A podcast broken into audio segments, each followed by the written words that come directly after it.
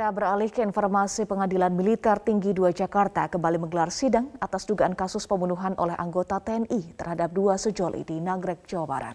Dalam sidang lanjutan, majelis hakim menghadirkan empat orang saksi yang menemukan dan membantu proses evakuasi kedua jenazah korban. Sidang lanjutan dipimpin langsung oleh Hakim Ketua Brigjen TNI Faridah Faisal. Dalam sidang, auditor militer menghadirkan empat saksi dari warga yang menemukan dan menyaksikan langsung kondisi kedua jenazah. Keempat saksi tersebut adalah tiga warga yang berprofesi sebagai penambang pasir dan satu anggota Ormas Penanganan Bencana. Ketiga saksi menjelaskan pada majelis hakim terkait situasi dan kondisi saat korban ditemukan, termasuk kondisi kedua jenazah. Sidang lanjutan akan kembali digelar pada Kamis pekan depan dengan agenda pemeriksaan saksi ahli forensik untuk membuktikan bahwa salah satu korban masih hidup saat dibuang ke sungai oleh terdakwa. Empat saksi adalah saksi yang menemukan kedua korban Handi Saputra sama Salsabila. Jadi uh, perlu kita pastikan bahwa mereka memang menemukan korban dari kecelakaan atau korban dari perbuatan terdakwa ini.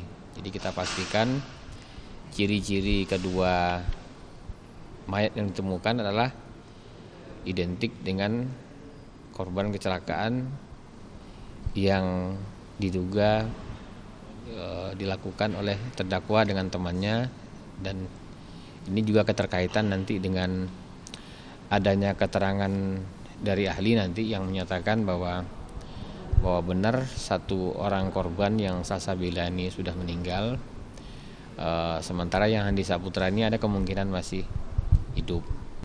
Kita ke informasi lainnya, pemirsa musisi dan komposer muda Alfi Ref mengaku pernah menerima uang ratusan juta rupiah dari Doni Salmanan. Uang itu diperuntukkan sebagai dana membuat Wonderland Indonesia. Pengakuan itu disampaikan Alfi Ref usai jalan di pemeriksaan di Gedung Bares Krim Polri selama empat setengah jam. Alfi dicecar pertanyaan oleh penyidik seputar dana yang didapatkannya dari Doni Salmanan. Alfi juga menceritakan awal mula perkenalannya dengan Doni Salmanan. Saat itu ia dalam posisi yang sangat membutuhkan dana untuk membuat karya Wonderland Indonesia. Doni pun muncul untuk membantu Alfi dan Alfi menerima niat baik tersebut. Wonderland Indonesia ini disupport oleh pemerintah. Harusnya kan kita di Ya intinya tadi saya bercerita aja ke pihak penyidik ya saya santai sih kayak benar-benar menceritakan apa yang terjadi terus bagaimana Wonderland Indonesia bisa disupport oleh Bro Doni dan lain-lain tapi selebihnya mungkin nanti biar pihak penyidik sendiri yang menentukan. Bang uang yang dikasih Doni hmm? berapa sih bang? Enggak, enggak banyak-banyak banget lah, enggak, enggak sampai 1 M. Ratusan juta berarti? Ya, ratusan. Komunikasi awalnya gimana Pas Hah? bisa komunikasi awal sama si Doni gimana awal kok bisa sampai Doni kasih sponsor? Hmm, waktu itu kan sudah saya umumkan di Instagram sih waktu itu kayak saya kan uh, mengumumkan Project Wonderland Indonesia yang ditolak proposalnya dan lain-lain. Kemudian Bro Doni membantu dan terjadi. Para korban kasus binary option Binomo dan Quotex yang menjerat Indra Kents dan Doni Salmanan masih terus mencari keadilan agar uang mereka dikembalikan. Kuasa hukum korban Vincentius Mendrova mengatakan para korban dari dua tersangka telah membuat paguyuban sesuai dengan arahan kabar eskrim. Hal itu disampaikan Vincentius saat bertemu dengan perwakilan anggota Komisi 3 DPR RI di gedung DPR pada Kamis pagi. Para korban binary option berharap Komisi 3 DPR RI dapat menjadi penyambung lidah kepada Polri agar mengungkap siapa pemilik binary option, binomo, dan quotex. Sebab sampai dengan hari ini belum diungkap siapa pemilik aplikasi tersebut. Vincentius pun membandingkan kasus binary option ini dengan kasus penipuan jemaah umroh yang dilakukan pemilik First Travel. Ia berharap agar uang para kliennya bisa kembali dan tidak dikuasai negara.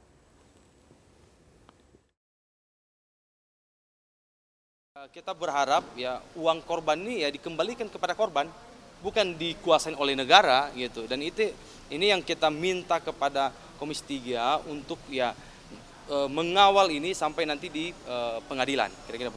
Kita ke informasi lain, pemirsa Panglima TNI Jenderal Andika Perkasa menegaskan tidak boleh ada anggota TNI yang berbohong mengenai kegiatan yang dilakukan selama bertugas, apalagi melakukan kerja sampingan berupa pengamanan proyek tanpa persetujuan Panglima Kodam.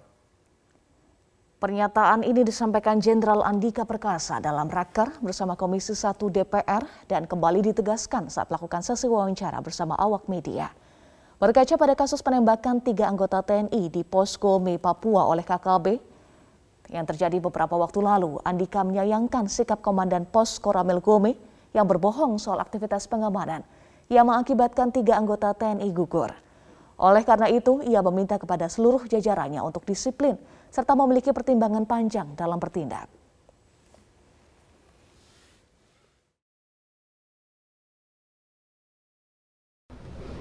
Anggota kita tiga gugur karena tertembak yang dilakukan oleh memang oleh tadi kelompok bersenjata. Nah, itu pun dilaporkannya sesuai dengan titik yang dilaporkan titik patroli. Yang itu semua tidak benar. Karena yang dilaporkan misalnya ke titik A, yang dilakukan ke titik di sini dan di sini yaitu di pinggir jalan. Karena di situ ada galian pasir.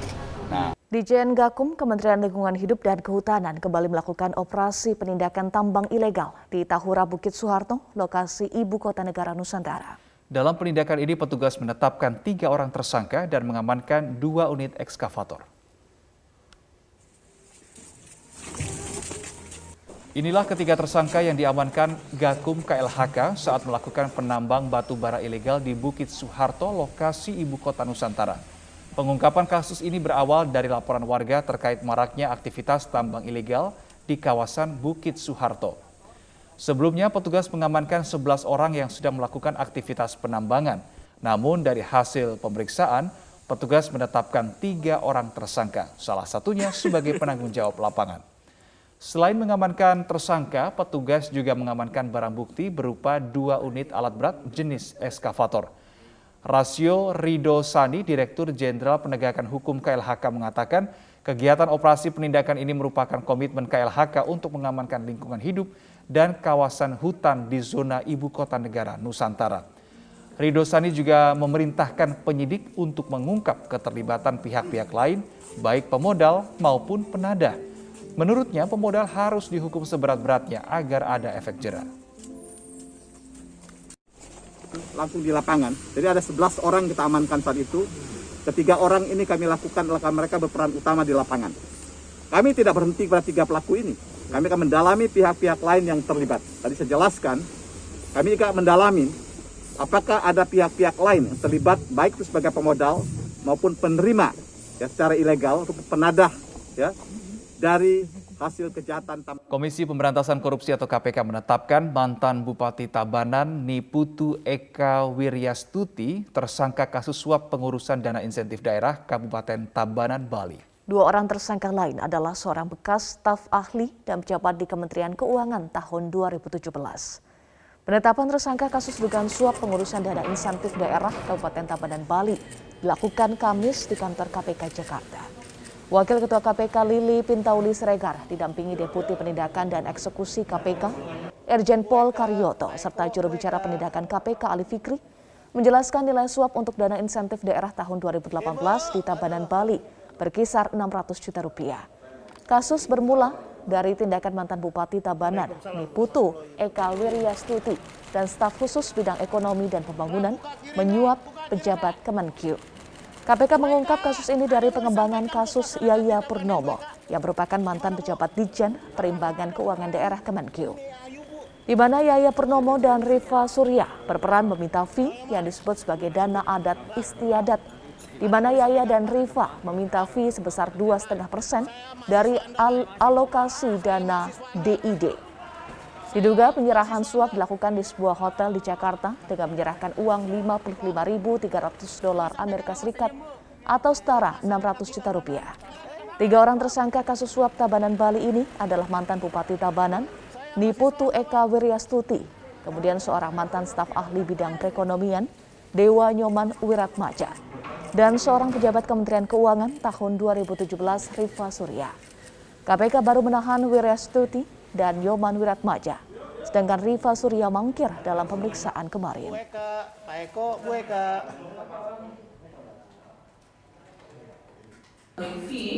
dan sebutan dengan dana adat istiadat dan permintaan ini lalu diteruskan TSK IDNW pada TSK NPW dan mendapatkan persetujuan.